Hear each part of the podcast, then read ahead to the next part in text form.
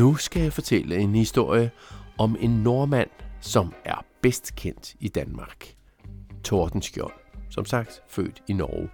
Men der er rundt omkring i Danmark mange gader, der er opkaldt efter ham, og der er også statuer. For eksempel står der en statue lige over for Christiansborg, der hvor politikerne sidder i København. Og det der med statuen og statuerne er lidt sjovt, fordi egentlig skulle man tro, at man rejste sådan en statue, når man godt ville mindes ham lige efter han var død. Men der gik 150 år efter Tordenskjold døde, før man lavede en statue af ham i København. Og den blev kun lavet, fordi Danmark på det tidspunkt, altså 150 år efter at han var død, lige havde tabt endnu en krig. Krigen i 1864. Og så var man temmelig meget nede og syntes, at det hele var noget elendigt noget. Og skulle vi så ikke lave en statue af en, som vi godt kan lide? Og så fandt man ud af, Tordenskjold, han skal have en statue. Det gjorde man så, og der blev også lavet flere bøger om ham på det tidspunkt. Og min oldefar, Fris, som havde en butik med bøger i København, solgte en del af de bøger, og han gemte en af bøgerne om Søhelte, om Tordenskjold. Og den fik min bedstefar så, og den bog gav min bedstefar så til min far, og den har min far så givet til mig, og derfor kan jeg nu fortælle historien videre til dig. Og så kan du fortælle historien videre igen. Der er også to andre podcast-historier, der handler om Tordenskjold, og dem kan du finde her, hvor du også har fundet denne her. Nu har du måske bemærket, at der er bølger i baggrunden, og det er fordi, vi skal ud og sejle. Denne her historie handler om, hvor snu og dristig Tordenskjold var. Det er nemlig det, han er mest kendt for. Snu, så noget med at kunne liste sig ind på andre, uden at de lægger mærke til det, stille og roligt. Og dristig, det er noget med at turde gøre noget, som de andre ikke tør gøre. Så det handler ikke så meget om at slås og slå ihjel, selvom den her historie foregår i starten af 1700-tallet, hvor vi var i en voldsom krig med svenskerne. Krigen handlede for eksempel om Norge, og Norge og Danmark var et land dengang. Vi var sådan et slags tvillingeland, Danmark og Norge. Og Norge, det var der, hvor Tordenskjold var født, så da han fik at vide, at han skulle stoppe svenskerne i at angribe Norge, så var han der med det samme. Svenskerne var allerede på det her tidspunkt på vej med en masse skibe, med soldater, kanoner, krudt og kugler. 24.000 kanonkugler havde de med. De ville belejre en vigtig borg i Norge, og de holdt sig lige en pause, inden de kom helt frem. Fordi de skulle først til fest. Og de sejlede jo altså med skibe, så de sejlede ind i en havn. Tordenskjold havde sendt en spion ud, og han kunne fortælle, at alle officererne på de svenske skibe, altså kaptajnerne og dem, der bestemte, var inviteret til et stort bryllup den her aften. Og skibene, i alt 44 skibe, lå inde, ikke i en havn, men lidt længere inde i en smal fjord. Og der var masser af svenske soldater på begge sider øh, inde på land, som skulle passe på skibene, og der var også nogen ude på skibene selvfølgelig. Fordi de her soldater, de skulle ikke med til den fine fest om aftenen. Og de fine officerer, de regnede med, at alt var sikkert. Så de gik til fest. thank you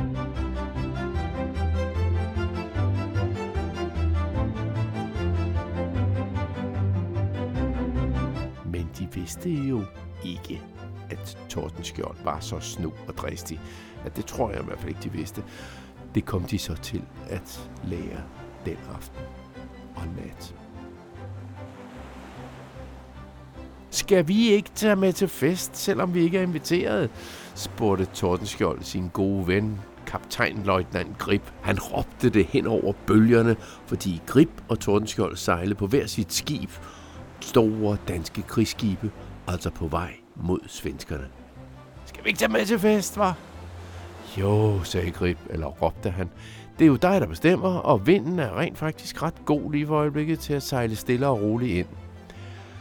Tordenskjold havde for første gang nu her fået lov til at være øverstkommanderende. Det var ham, der bestemte over skibene.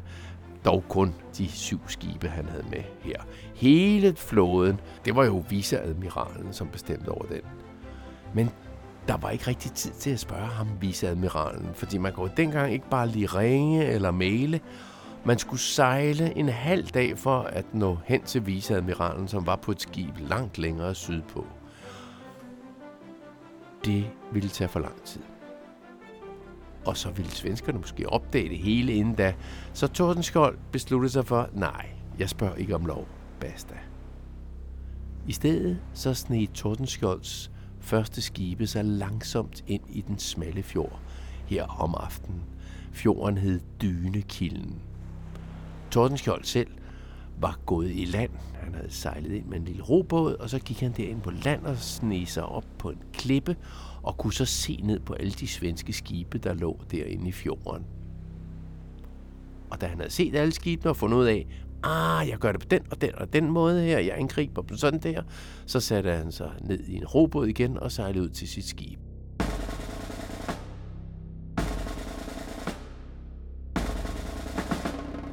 Svenskerne var helt uforberedte, da de danske skibe kom ind i bunden af fjorden, hvor alle de svenske skibe lå. Og de var først lige ved at vågne op. Det var jo nærmest ikke om natten. Planen var fra Tordenskjolds side at skyde så mange af de svenske skibe i stykker, men han ændrede rent faktisk planen undervejs. Hov, jeg tror, jeg tager skibene i stedet for, og erobrer dem, og så kan jeg sejle hjem med dem, så har vi virkelig mange skibe hjemme i København. Svenskerne derimod forsøgte med det samme at sætte ild til deres egne skibe, fordi de ville ikke have, at Tordenskjold skulle kunne stikke af med dem. Og ham der Grip, kaptajn Leutnant Grip, han hoppede for eksempel ombord på et af de store svenske skibe, som havde overgivet sig. Ej, nej, nej, vi overgiver os. Og alle svenskerne, næsten alle svenskerne var på vej væk. De sprang ud i vandet, og de skyndte sig lige lovligt meget hurtigt, så Grip tænkte, hvad er der galt her? Han nåede lige at få fat på en svensk officer. Hvorfor stikker jeg så hurtigt? Øh, så indrømmede svenskeren, at det var fordi, at de allerede havde tændt ild til en lunte, som skulle føre hen til nogle krudtønder, og når lunden så brændte færdig, så ville krudtønderne eksplodere, og så ville skibet springe i luften. Og så ville danskerne ikke få fat i skibet. What? Grip fik truet svenskerne til at fortælle, hvor står de krudtønder, og så løb han straks ned til krudtkammeret og fik slukket lunden. Og skibet blev reddet. Sådan skete det med mange svenske skibe. Svenskerne forsøgte at sætte ild til mange af dem, men de nåede det ikke. Ah, der var lige så nogle af dem. For eksempel et af de store svenske skibe. Vreden hed det i øvrigt sprang i luften med så stort et brag, at søfolkene, både for vreden og at de skibe, der var omkring, blev kastet op i luften. Da slaget var slut, havde Tordenskjold erobret 28 svenske skibe, udover at han stadigvæk havde sine egne syv skibe. Og så var der en masse, som også var sprunget i luften undervejs. Tordenskjold kunne sejle væk med fem gange så mange skibe, som han var ankommet med. Og heldigvis var der kun 19 danskere, som var døde under slaget. Det kunne ellers være blevet meget blodigere, hvis ikke svenskerne var blevet så forskrækket og stukket af og havde stukket ild til deres egne skibe.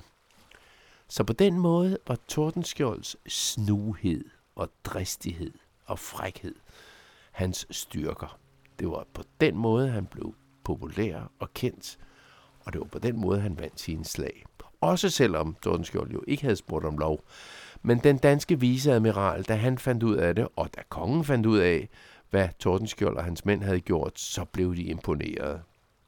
Og den svenske konge måtte jo indrømme, at nu havde han mistet så mange skibe, at nu opgav han at angribe Norge. Da Tordenskjold kom hjem, blev han fejret. Han fik sig en medalje. Ikke bare en medalje, en medalje med et billede på af kongen, sådan en slags selfie-medalje. Og fra det store slot Kronborg, som ligger ved Helsingør, da han sejlede derned, så blev der skudt med kanoner. Ikke efter Tordenskjold, men dengang fejrede man også, når man vandt et eller andet, eller hvis der var noget stort, så skød man med kanoner. Over 80 skud skød de fra Kronborg. Det er lidt ligesom, vi skyder raketter af nytårsaften. Men det der med statuen og alle vejnavnene, Tordenskjoldsgade og Tordenskjoldsvej og hvad ved jeg, og alle de der bøger om Tordenskjold, de kom først 150 år efter. Og der kommer stadigvæk bøger i dag om Tordenskjold. Der er lige kommet nogle nye. Dem har jeg læst, og jeg har også læst nogle af de gamle. Og alle sammen findes på biblioteket, og der kan du finde dem. Så det vil sige, at hvis du synes om denne her historie, så kan du gå ned og finde dem. Du kan også måske på den her podcast finde en liste over alle de bøger, der er på biblioteket. Og der er også flere podcasts i øvrigt om søhelte. Jeg håber, vi høres ved. Jeg skal i hvert fald nok blive ved med at lave søhelte-historier ud fra min oldefars gamle bog. Og jeg hedder Claus Vitus på genhør et eller andet sted derude.